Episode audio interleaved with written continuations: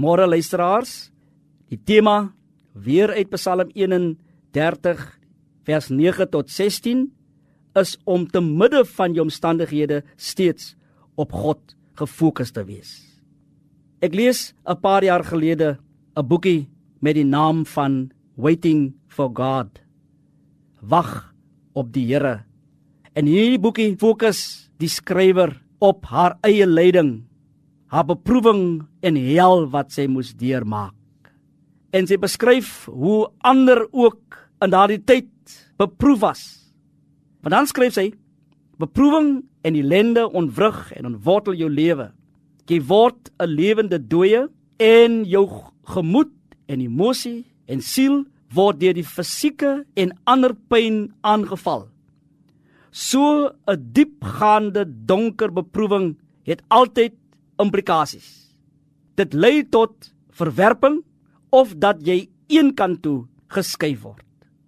En volgens die skrywer word mense wat sulke donker aanvegtinge beleef altyd geïgnoreer. Ons verkies om draaie om hulle te stap omdat ons in die lig van ons geloof nie weet wat om met hulle lyding te maak nie of wat om vir hulle te sê nie. Die Job verhaal het ook 'n storielyn. En sy storielyn is is daar sin en lewe in pyn en lyding. Is daar hoop?